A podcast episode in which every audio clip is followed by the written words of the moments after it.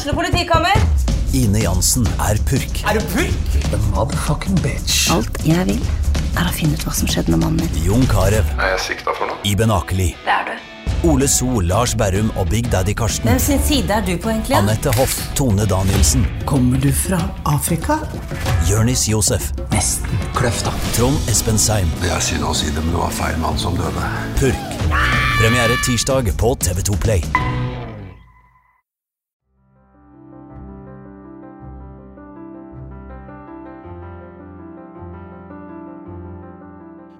I dagens episode forteller Andreas Håheim helt ærlig om yrket sitt som sexolog. Han driver en eh, sexologklinikk i Stavanger, og det er jeg veldig nysgjerrig på. Men først må jeg høre hvordan det hele starta. Når vi var ferdige da, så eh, tenkte vi må jo bruke dette her til noe. Eh, og det var liksom ingen sånne klare stillinger som jeg kunne tenkt meg. Eh, ingen rene sexologstillinger. Eh, det var litt sånn innbarka i en eller annen stilling, men, eh, men ikke noe som frista. som jeg og Gunhild Ness eh, med- som jeg gikk i klasse med, vi bestemte oss for å starte opp for oss sjøl. Eh, og det var egentlig den her vanlige startupen, det. Det var å finne et kontor og eh, prøve å lage litt sånn logoer. Og, vi hadde jo egentlig Hva var det vi hadde? Målet vårt var Jeg tror vi startet opp i september det året 2018, var det vel. Målet var én klient hver. Men så viste seg at her var det jo masse behov. Så, så dette begynte jo å, å rulle, og, og det kom eh, mange bookinger. Og, og det viser seg at dette er jo faktisk et behov folk har, å, snakke med en sexolog. Klart jeg visste jo det, men det var jo litt sånn Vil folk tørre å ta kontakt med en sexolog? Og, og nå er jo dette fem år siden, og behovet er jo vel så stort nå som det var i begynnelsen. Men det, vi kunne nok hatt litt mer Harry goals enn én klient, for, for eh, det gikk egentlig ganske bra, dette. Og, og det var eh, ganske mange sånne aha-opplevelser i begynnelsen der. Veldig mye i forhold til sykdom og seksualitet, som, som kanskje ikke hadde vært min retning. Mer Gunhild sin, i og med at Gunhild, som jeg eh, drev det med, hadde kreft og var opptatt av dette med sykdom. Men sårbarheten knytta til sykdom og seksualitet var jo kanskje en, en eh, aha-opplevelse at den eh, altså sykdom skaper en kjempesårbarhet i forhold til seksualitet. Og så var det jo dette med menn som, som kanskje ble min greie, da. Eh, I og med at jeg er mann sjøl òg, så var det kanskje lettere for menn å komme til en mannlig sexolog. Eh, og, og aha-opplevelsen var vel at det var veldig mange menn som begynte å komme. Eh, og det syns jeg er holdt jeg på å si, Det er jo ganske tøft. Fordi at vi scorer jo veldig dårlig med menn på alt som heter Altså alle statistikker som er negative. Eh, være seg ta imot hjelp, selvmord, eh, overgrep. Altså vi scorer veldig dårlig på alle statistikker. Og da eh, tenkte jeg det, det er iallfall viktig å synliggjøre dette, at menn tar kontakt, og menn er sårbare, menn viser følelser. Eh, så det ble liksom min greie. Mens Gunhild var veldig opptatt av dette med sykdom og seksualitet. Jeg vil litt inn på dette med Gunhild. Hvorfor ville du starte opp eh, med akkurat Gunhild? Jo, altså, jeg møtte Gunhild eh, første dag i Grimstad, når vi skulle begynne å studere. Og eh, det var jo på en måte en sånn naturlig inngang der, for at jeg kom fra Stavanger, og hun hadde stavangerdialekt. Og, og da var det gjerne den litt sånn ubevisst den første du begynte å snakke med. Eh, og Gunhild var ei sprudlende dame og presenterte seg som eh, surfejenta fra Jæren.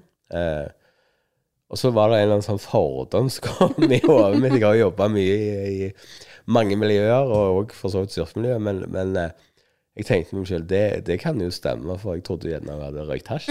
For hun virka litt sånn høy.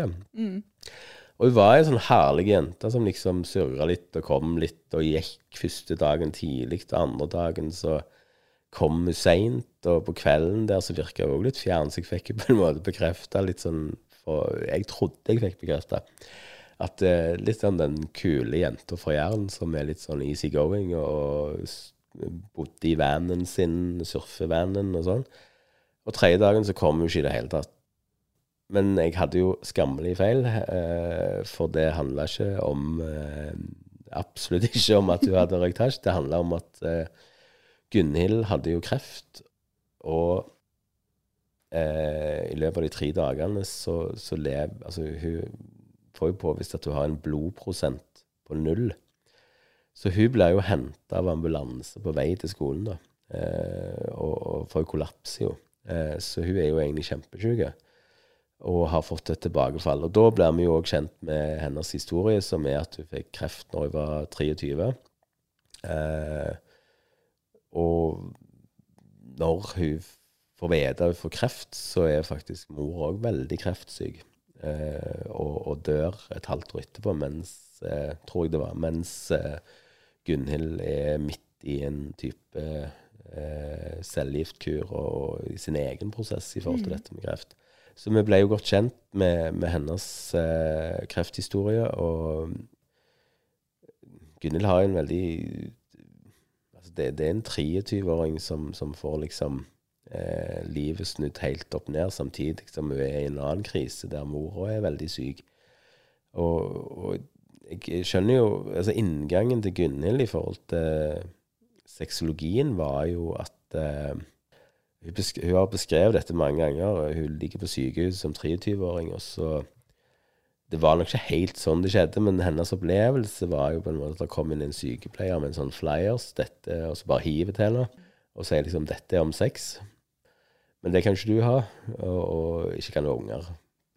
Så, så eh, hun opplevde det nok ganske hardt og brutalt, eh, og det er det jo for en 23-åring å eh, få den rett i fleisen. Eh, så hun var ganske nedtrykt som enhver 23. Altså, du, du er jo begynnelsen av livet ditt og får- den beskjeden, samtidig som du skal gå gjennom cellegiftkur, og det er òg tøft utenom med, med mora der. Eh, men eh, heldigvis, så med en tilfeldighet, så treffer hun eh, en sexolog på sykehuset, en sånn 50 %-stilling som òg jobber med kreft. Helt tilfeldig, tror jeg, i kantina. Som, og de to begynner å snakke, og hun ble jo litt irritert da, for hvorfor ikke du henviste meg. Og, og dette stemmer jo ikke. Klart du kan ha sex, men, men du må definere, du må redefinere seksualiteten din. Og ta henne litt under vingene, og, og de to blir gode venner. Eh, og, og det var nok òg kanskje litt sånn interessen hennes for seksualitet og sykdom. Ja, og jeg treffer jo en del år etterpå, da, og, og vi blir godt kjent og er i samme kollokviegruppe og har det egentlig veldig fint sammen. Og bestemmer oss jo da for oss å starte opp i sammen. Eh, og Gunhild var, var jo verdens mest sprudlende dame og smilte alltid. Og vi hadde jo egentlig Det ble jo mest til fem år, da. Fem veldig fine år sammen. Og, men, men det er klart, sykdommen var der jo. Eh, og i løpet av den perioden så, så får jo hun både ett og to og tre tilbakefall. Så, så du har jo gått side med side eh, ganske tett med, med en som på en måte ser veldig frisk ut, men er veldig syk. Eh, jeg husker vi var på en sånn pride, eh, et pride-tog for to år siden. Og da gikk det liksom opp for meg at hun er jo veldig syk, for det, det var er det en 40-50 minutter toget tar, og hun skulle være med og, og sto på og heia. og eh, skulle liksom markere at Stavanger-sexologene er for mangfold, og, og det, hun markerte seg, hun. Men hun ligger jo strekk ut på sofaen på kontoret fem timer etterpå. Kjempedårlige.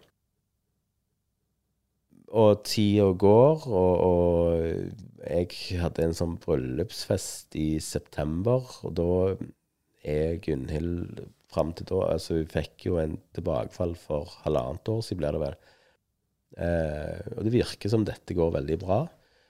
Men, eh, men eh, i bryllupet så, så opplevde jeg at hun var litt rolig, og, og det var liksom ikke helt den Gunhild. Eh, og hun gikk tidlig, og jeg snakket med henne, og hun følte seg dårlig. Eh, og så ble hun vel innlagt en dag eller to etterpå, og de finner masse vann i buken, og de, bak der så finner de jo at det er en kjempespredning. Og fra da, fra september, så går det jo egentlig eh, nedover. Blir lagt inn i januar og ligger lenge på sykehuset. Og eh, dør jo da 23. mai i år. Og det, det var en sånn personlig det egentlig en sånn veldig tung reise, kjente jeg. Fordi at eh, Uh, vi har nok gått mer i tospill enn jeg hadde trodd. Det er jo liksom to som starter på en bedrift, og vi har delt mye. Vi har delt sårbarhet. og vi har delt uh, Det ble jo liksom babyen vår, dette her. Og, og spesielt for Gunhild. Uh, altså Gunhild hadde jo alltid dårlig tid. Jeg hadde jo ikke så dårlig tid sånn, med små unger og, og, sånn, men Gunhild hadde alltid dårlig tid. Jeg skjønner jo hvorfor. Så vi har jo både måttet lære hverandre å kjenne på den måten. Sant? For hun ville liksom i gang med alle nye prosjekter og sånn og sånn. og sånn. For hun visste jo at jeg kommer kanskje til å dø. Eh, men den Mens jeg er jo helt på andre enden med to små unger og, og liksom eh, barnesykdommer og må utsette ting og, og sånn. Så vi, vi, vi, måtte jo på en måte bryne hverandre òg for å skjønne hverandre, og, og gjorde det eh, helt til slutt. Så det var jo en sånn veldig tett reise, samtidig som vi ikke nødvendigvis kjente til hverandres liv utenom så mye. Vi hadde liksom introdusert hverandre for familier, altså, men ikke mye. Så det var liksom oss og babyen vår. Og, og, og jeg husker jo når hun la ut på For hun hadde ganske mange følgere på Instagram og la ut at nå er det slutt. Da satt jeg opp på jobb, og, for jeg jobber òg på universitetet, eh, på, og foreleser der. Og jeg sa på kontoret når den kom ut, så da datt jeg sammen. Da, da, skjønte jeg at nå er, det, nå er det ikke lenge igjen. Og det var en sånn eh, smell. Eh, så, så, det var eh, og, og, siste gang jeg traff Gunhild òg, så, så, kunne du på en måte veldig tydelig se eh, hva kreften kan gjøre. Og det, det var Hun var en skygge av seg sjøl. Men samtidig så Og var jo Gunhild. sant? Eh, venninnene har jo fortalt, jeg tror det sto skrevet i Sandnesposten òg, at eh, et par dager før døde så ville hun på Kvadrat og kjøpe sokker. Eh, og det var jo, det jo Gunhild. Og det, altså det eneste jeg kjente igjen når jeg så henne siste gangen, det var det smilet eh, som var Gunhild. Ellers så var det ingenting igjen. Men det, det var eh, mye tyngre enn jeg egentlig hadde trodd. Eh, og, og, på en helt annen måte. Eh, og det er nok på grunn av at vi har liksom hatt denne babyen sammen. Og jeg var på en måte blir veien videre uten Gunhild nå? Skal jeg legge det ned, eller orker jeg å gå alene med dette? Eh, eller or, egentlig var tanken orker jeg å gå med noen andre enn Gunhild? For det, det, var liksom perfekt. Eh, det var en perfekt match. Vi var veldig ulike og like. Jeg handla litt surrete, og hun var den som hadde kontroll på ting. Eh, og vi utfylte hverandre veldig bra der. Så, så det var en, en, del av meg hadde egentlig bare tenkt nei, jeg orker ikke å gå videre med noen nye. Eh, men Gunhild hadde strenge krav om at jeg skulle gå videre, og, og, jeg skulle ikke endre noe på kontoret. Jeg skulle liksom fortsette i eh, vår ånd, da. Eh, og, og, det har jeg gjort. Jeg har ikke endra noe på eh, kontoret i eh, det hele tatt. Og, og eh, det skal fortsette i hennes hånd og jeg er på gang nå med å få en, en ny kvinne eh, til å være med videre. Det var liksom kriteriet Gunhild hadde. Jeg skulle liksom fortsette med, med en ny kvinne, da.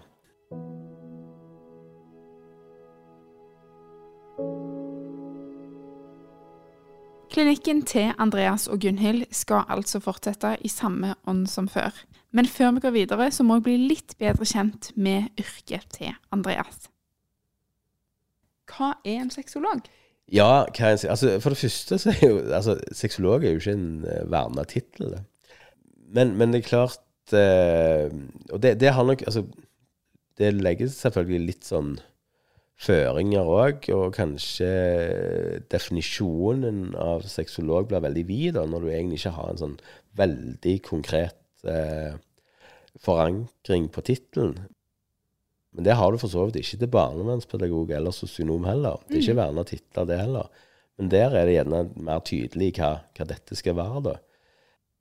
men, men det ligger jo kanskje litt i begrepet, da, at du er innom seksualitet eh, og eh, seksualitetens verden og, og, alt det den innebærer. Eh, men jeg vil jo velge å si at det er et veldig vidt begrep, eh, og jeg tror når det står ordet sexolog, så, så, tror jeg det vil variere i veldig stor grad eh, hva retning den sexologen har tatt i forhold til å tilnærme seg mennesker. da. Men, men hvis du tenker, hvis du liksom prøver å definere det ut ifra hvem som kommer, det er jo kanskje lettere. Ja. For du begynner jo å få en, et visst sånn inntrykk av hvem som oppsøker sexolog. Eh, og, og, hos oss så er det hverdag. Det er gjennomgående veldig mye hverdag, og så dukker det opp innimellom noe som kanskje ikke folk forbinder med hverdag. Definitivt det som har kommet mest til oss, det er faktisk menn med ereksjonsproblemer. Eller utfordringer knytta til ereksjon. Og veldig mye kvinner med det som kanskje kan defineres som vaginisme, som også er et vidt begrep, men at det er, det er, vondt å ha samleie. Og den tredje kategorien er jo mye par som kommer inn, og, og der eh, seksualiteten er blitt en utfordring i parforholdet. Mm. Eh, enten i forhold til forskjellige preferanser knytta til seksualitet, Eh, eller lystproblematikk. Altså eh, par som, som kanskje opplever at eh, lysten er vekke, eller at det er veldig lenge siden de har hatt lyst på sex, rett og slett. Og det blir et sånn spøkelse som får lov å leve i forholdet, og, og er med å kanskje definere at vi, vi har en sårbarhet i vårt forhold fordi at vi har ikke lyst på sex, og ikke lyst på hverandre seksuelt. Så eh, du spurte jo liksom om det, hva er en sexolog, og, og jeg tror, tror, på en måte behovet definerer hva en sexolog er. Eh, men, men du, skal jo, altså, du, skal jo, ha en viss kunnskap om seksualitet. Mm. På, på, og du skal òg ha en kunnskap om bredden i forhold til seksualitet. Og det, det, er jo for så vidt litt sånn interessant, det. For en del av studiet er jo faktisk at du skal eh, Det var en del av studiet som heter SAR, Sexual Awareness Response. Så vi skulle på en måte eh, være med og oppsøke plasser vi kanskje ikke hadde vært før. Oh. Så jeg har jo vært på BDSM-klubb i Oslo sammen med hele klassen. Og ja. eh, vi måtte faktisk òg blende inn. Eh, så det vil si at jeg har jo sett mine medstudenter i ganske forskjellige outfitter. Eh, og vi har vært eh, egentlig rundt og oppsøkt og, og, fått innpass i ganske mange miljøer som seksuelt kanskje folk forbinder med en, en type eh, Absolutt ikke hverdag, men, men arenaer som, som, kanskje få er. Mm. Eh, men som var veldig godt å bli eh, eh, Altså, jeg syns det var veldig bra at vi gjorde det, for det at du Du har jo en for, Alle har jo fordommer. Mm. Det er jo mm. fullt av fordommer. Og det å bli kjent med sine egne fordommer, det var jo litt målet, da. Så det å faktisk være på denne swingersklubben og bli kjent med de menneskene som, eh, som har et behov og en tanke om at dette er eh, en plass de ønsker å være, så eh, tror jeg det gjorde meg mye mer rusta til da eventuelt å møte mennesker som kommer til sexolog og har spørsmål knytta til BDSM eller swingers eller åpent forhold eller polygami eller eh, masse av det som kanskje blir ansatt som både litt skremmende for folk, eh, litt, eh, men som òg mennesker er nysgjerrig på, som kanskje òg oppleves som litt skambelagt for mange. At det må leves ut i det skjulte. Så, så, den delen av utdanningen syns jeg var veldig bra. Og, rett, altså kjenne på hva, hva, eh, hva tenker jeg rundt dette? Eh, og hva fordommer har jeg med meg inn? Og hva, hva sitter jeg igjen med etter å ha blitt kjent med, med disse menneskene? Mm. Men da lurer jeg litt på Du går i klassen din, og nå skal dere på lakk og lær og sånt. Ja. Jeg tenker jo umiddelbart flaut. Hvis jeg skulle tatt med klassen min altså, og så skal vi i klasserommet dagen etterpå. Det syns jeg er pinlig. Er det pinlig for en haug med sexologer òg, eller er det helt normalt? Nei, det, det, det satt langt inne for mange. Ja. eh, og det, det, det, er ikke helt uproblematisk heller, for det, det var mange som ble utfordra på privaten. i klassen. At av sine eventuelt Altså, vi kan si menn, for jeg var den eneste mannen i klassen. Så jeg, resten ble utfordra av sine Og jeg tror de fleste eh, var faktisk i forhold med menn i klassen, så vidt jeg kan huske. Men det var et par som ble eh, Der mennene hjemme ikke syntes dette var greit i det hele tatt. Eh, og de syntes det var veldig vanskelig, for dette måtte vi faktisk gjennom for å bestå. Men, men det var nok en sånn ta og føle på når vi sto og skulle banke på denne døra. Det, mest, altså, det som kanskje var verst, var jo at jeg hadde jo på meg en kledning som jeg absolutt aldri hadde gått i før, og ikke etterpå. Nei.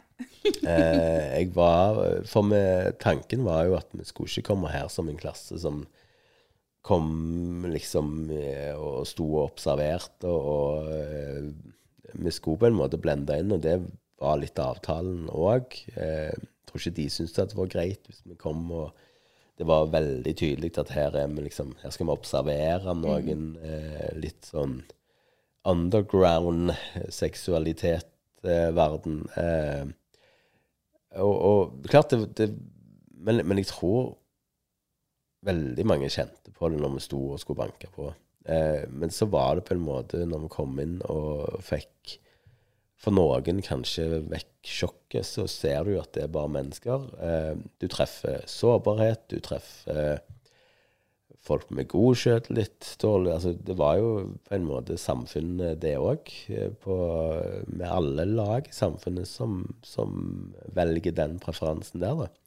Og det tror jeg de fleste av oss merker veldig fort, at dette er jo veldig lite farlig. Selv om det var kanskje ting der som eh, de fleste av oss aldri hadde sett før i den eh, forstand. Altså live, da.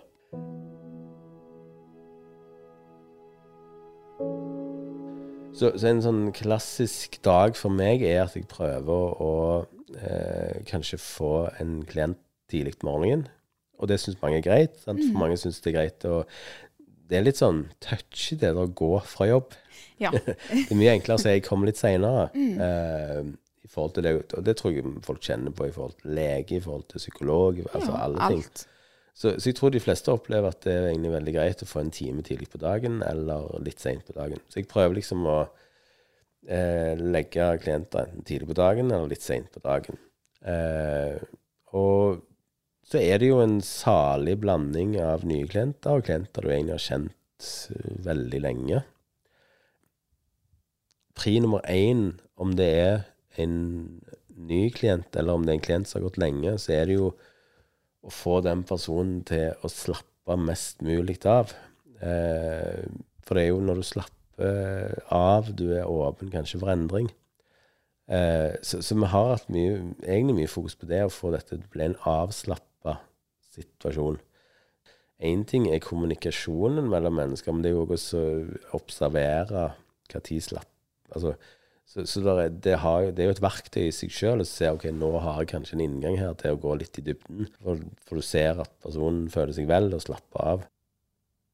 Når man kommer til deg, er det sånn at jeg møter opp på kontoret én gang, og så ses vi aldri igjen? Eller kommer jeg da annenhver tirsdag? Det er veldig varierende. Jeg har, eh, jeg har faktisk en del som har vært med helt siden vi startet opp. Fire år. De kommer jevnlig. Kanskje vi har liksom Etter hvert blir det en gang i måneden istedenfor hver 14. dag, eh, eller hver uke. Men, men eh, jeg har mennesker som, som jeg nå har kjent siden vi startet opp i 2019. Noen kommer inn og eh, Der du ser at dette er ting som kanskje Her trenger du bare noen råd. Sant? Du, du, det er en eller annen sånn retning her. Det er, det er ikke noe tung materie i det hele tatt. Du trenger gjerne bare noen råd eh, som du kan ta med deg i dag, og så hører jeg aldri noe mer fra dem.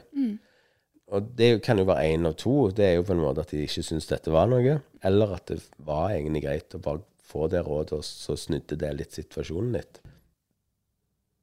Det med parforhold, det er jo òg Det er jo ikke noe som er gjort på en time. Sant? Det, det å s- tenke at du skal endre en sårbarhet som kanskje har vært der i mange år, i et parforhold på en time, da, da får du ikke mye igjen for timen. Så det er jo en type utford... Altså hvis tanken min er at hvis dere får det greit sammen, så, så vil det der med seksualiteten ordne seg sjøl, så må jeg jo òg si at men, det er ikke gjort i dag. Eh, men det er en sånn teknikk som jeg setter i gang med alle par. Og den er det mange òg som ler litt av, og det er eh, Ofte så kommer jo par inn, og så setter de seg ned i sofaen sammen.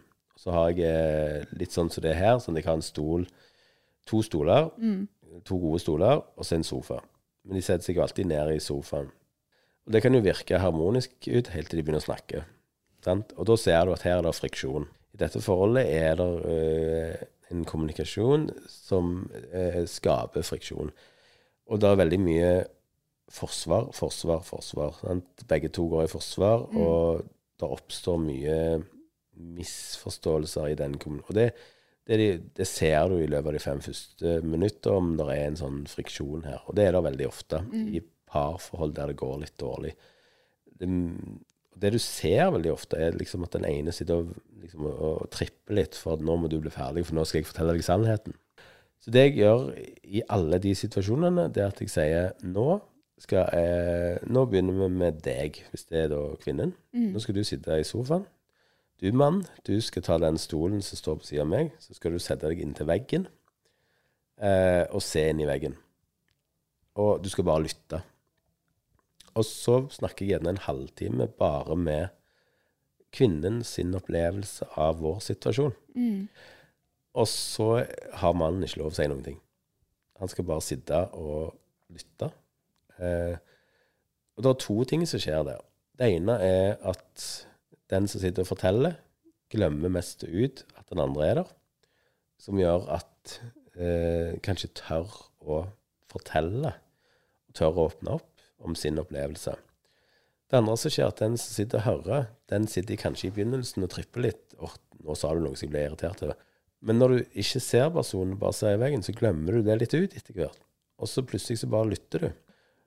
Og det veldig mange ser, da, det er jo at her har vi misforstått hverandre. Her, dette vi er jo egentlig kanskje likere enn vi tror. Vi er jo mer enige enn vi tror. Oi, her kom det ting som jeg aldri har hørt du har sagt før. Og når du sitter i den sofaen, så vil aldri dette skje. For da, er vi så nær at det handler om å vinne. Men hvis du tillater deg å sitte og bare høre, så kan du lære veldig mye av den andre som, som du faktisk ikke har tillatt deg å eh, få med deg tidligere. Sånn er vi jo litt i jobb òg, sant. Det er liksom, Hvis du sitter på et møte, så er det liksom, du sitter og tripper litt. liksom, Nå er det min stemme som skal komme fram. Veldig sjelden vi lener oss tilbake og hører hva alle sier. Eh, det, det er en menneskelig ting. Men hvis det er litt sånn ut av syne, så blir det litt ut av sinn. Og så tør vi gjerne både å lytte, men òg å eh, åpne litt opp på den andre sida. Og det jeg gjør etterpå, det er jo at jeg, jeg snur ikke om nødvendigvis å intervjue den andre, men jeg snur om og spør hvordan opplevde du det nå den andre sa? Ja. Var det ting her som du eh, Kjente du til alt som ble sagt nå? Eh, var det noen misforståelser som Har du misforstått noe her som har gjort at dere eh, eh, Eller var det ting som berørte deg ekstra i møte med Og så etter det så kjører jeg kanskje switchen med å få opplevelsen til den andre fullt ut, på en måte. Så, så målet er jo å skape et rom der denne støyen mellom oss ikke egentlig får lov å eh, leve så mye. Det jeg kanskje ser du etter du har gjort denne runden, er at eh, det mye enklere å sitte i den sofaen i sammen etterpå. Eh, men noen ganger så kommer det jo òg fram ting som viser en enorm sårbarhet i dette forholdet. For eksempel hvis kvinnen sier jeg har gått og tenkt på nå i fire år at dette er vanskelig. Jeg har egentlig lyst til å gå fra dette forholdet. Og mannen sitter og hører dette for første gang. Så på en måte så er det veldig farlig, sant? men samtidig så er det jo ikke farlig, for det er det som er realiteten. Da har vi noe å jobbe med. Det er dette som er faktisk utgangspunktet vårt. Men dette har dere ikke sagt til hverandre. Det høres jo egentlig ut for meg som at du fungerer like mye som en parterapeut. Ja, jeg eh, opplever nok at eh, jeg gjør det. Og, og det er nok litt den mentaliteten jeg har, som er at eh, hvis vi har det godt i sammen, så vil det seksuelle ordne seg. Jeg tror egentlig ikke at sex er noe sånn veldig hokus pokus. Eh, sex er så mangt. Du kan, du, kan, jo ha god sex i en type sånn one night stand-situasjon, eller det kan være swingers, eller hva det er. Altså, det er jo mange varianter av sex. Men i en sånn klassisk eh, situasjon der det kommer eh, et par som har utfordringer seksuelt som handler om enten ereksjonsproblemer eller lystproblematikk, så, så, har jeg jo den tilnærmingen at hvis dere er, er, i en situasjon der dere har det godt med hverandre, så vil jo dette seksuelle ordne seg. Men, men, men det blir jo, som du sier, ofte på en måte parterapien som får lov å leve med det målet om at her må vi iallfall se om det er mulig at dere funker bra i sammen. Eh, for det er jo ikke alltid utfallet her er at eh, vi ordner forhold, og så ordner sexen seg. Mm. Det er jo noen ganger òg at eh, vi faktisk erkjenner at dette er ikke meant to be. Mm. Er det mulig at dere faktisk får det godt i sammen, så kan det være at dette seksuelle løser seg. Mm. Så, så, ja, parterapeuten er en del av det. Er det sånn at det er folk i alle aldre som kommer til sexolog? Ja, jeg har eh, Hvis du skulle liksom ta et spenn, så eh, liksom nå fra 17 til 75 Ja. Mm. Ganske stor eh... Ganske stor spenn. Ja. Og det er jo fordi at seksualiteten er eh, Holdt jeg på å si det, det, Vi har det jo gjennom hele livet. Eh, veldig mange over 60 på en måte. Og eh, meg og Gunhild var på dette Stafett for livet. Mm. Eh, og vi fikk en sånn aha-opplevelse der. For Stafett for livet var jo i forhold til kreft. Sant? Du skulle samle inn penger på 24 timer. Eh, og det var veldig mye folk som var der i 24 timer. Og kanskje naturlig nok så var det mye eldre folk. Som, og det er gjerne fordi at de har mista noen i, I løpet av et langt liv. løpet av et langt liv. Og veldig mange av de kom inn og var nysgjerrige på oss. Eh, og jeg glemmer ikke hun på liksom 5-76 som liksom sa at du, nå har jeg vært enke et år, er det ikke på tide at jeg kommer i gang igjen? Og, og, hun hadde jo lyst til å treffe noen, og, og da, da eh, eh, skjønte vi òg at eh, dette er et fokusområde som vi må, må For her er det masse behov. Det er ikke sånn at vi pensjonerer oss når vi er 50 seksuelt. Mm. Tvert imot, seksualiteten varer livet ut. Men hva som er seksualiteten, det varierer jo veldig. En strofe som jeg har hørt ofte, er at alle burde gå til psykolog en mm. gang i livet. Burde alle gå til sexolog? Eh, vi burde iallfall gått noen. eh, og, og, svaret er vel ja, og med det mener jeg min, altså det der å eh, erkjenne at seksualiteten vår er en del av hele livet, mm. og, og eh, så mye press og så mye utfordringer som kommer av denne seksualiteten vår, så mener jeg ja, alle burde gå til sexolog. For det er, det er på en måte en sånn elefant i rommet, dette med seksualiteten vår, som, som definerer Altså Som skaper så mye utfordringer, og samtidig så mye glede. Mm. Eh, det er liksom Kontrastene er så store her. Så ja er vel svaret på spørsmålet da. Uh -huh.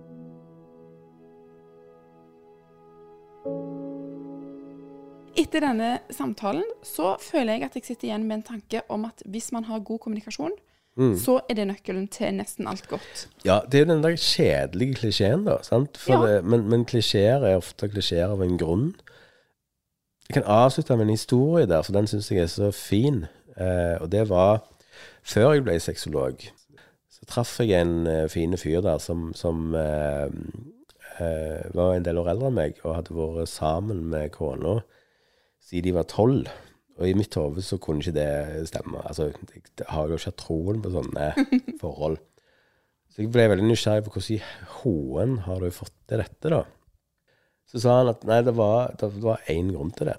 Eh, og det er når de fikk første ungen, så Begge to var sånn karrieremennesker og veldig ressurs... Eh, altså høye stillinger. Som selvfølgelig kan være krevende i seg sjøl i et forhold. Karrieren.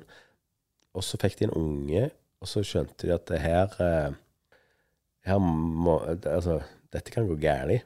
Eh, så de innfør, innførte en eh, regel i sitt liv. Og det var at hver dag De hadde ei sånn utestue, da. Så hver kveld og Ungdom nummer to kommer tre og fire. Det er jo vel om De de hadde fem på slutten. Men, men, det de innførte, det var at hver kveld, når ungene var lagt, så skulle de gå inn i denne utestua, så skulle de dele en røyk. Altså, de røykte ikke til vanlig. Ingenting. Og et halvt glass vin. Og drakk egentlig ikke så mye til vanlig. Og eh, mens de på en måte røykte den, og drakk det halve glasset med vin eh, i sammen, så var det to ting som ikke var lov. Det var ikke lov å snakke om ungene, og det var ikke lov å snakke om jobb. Og si dette varte 20 minutter til en halvtime, da. Eh, det gjorde de hver dag. Og han mente at det var grunnen til at de eh, holdt de sammen den dag i dag. Og så har jeg tenkt mye på den etterpå, så tenker jeg veldig mange av oss har ikke den halvtimen i løpet av en dag, der vi ser hverandre og eh, ser hverandre inn i øynene og snakker om hva, altså, om et eller annet som ikke handler om stress eller jobb eller unger, men bare er i møte med hverandre. Den halvtimen eksisterer faktisk ikke så ofte hos folk. Og, og det er jo løye å tenke på, for det er bare en halvtime vi snakker om, som er mer enn nok. Men den eh, eksisterer ofte ikke. Og den er nok livreddende òg i forhold til det å etablere god kommunikasjon. Eh, for inni det rommet der så får du nok veldig mye. Du er nysgjerrig på hverandre, du ser hverandre, du bekrefter hverandre. Eh, noe som jeg opplever hindrer god kommunikasjon i det vanlige. Da. Veldig ofte så kjefter vi på hverandre istedenfor å se hverandre. Og har jeg greid å leve opp til den sjøl? Nei. Vi er bare mennesker. Men det skal jo på en måte så lite til, da.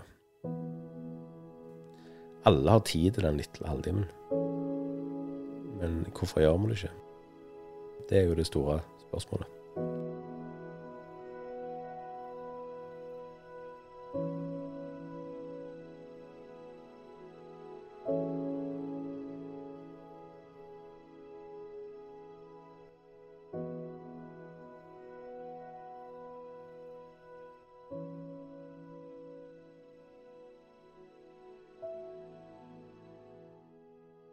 Har du et enkeltpersonforetak eller en liten bedrift? Da er du sikkert lei av å høre meg snakke om hvor enkelt det er med kvitteringer og bilag i fiken, så vi eh, gir oss her, vi. Fordi vi liker enkelt. Fiken superenkelt regnskap.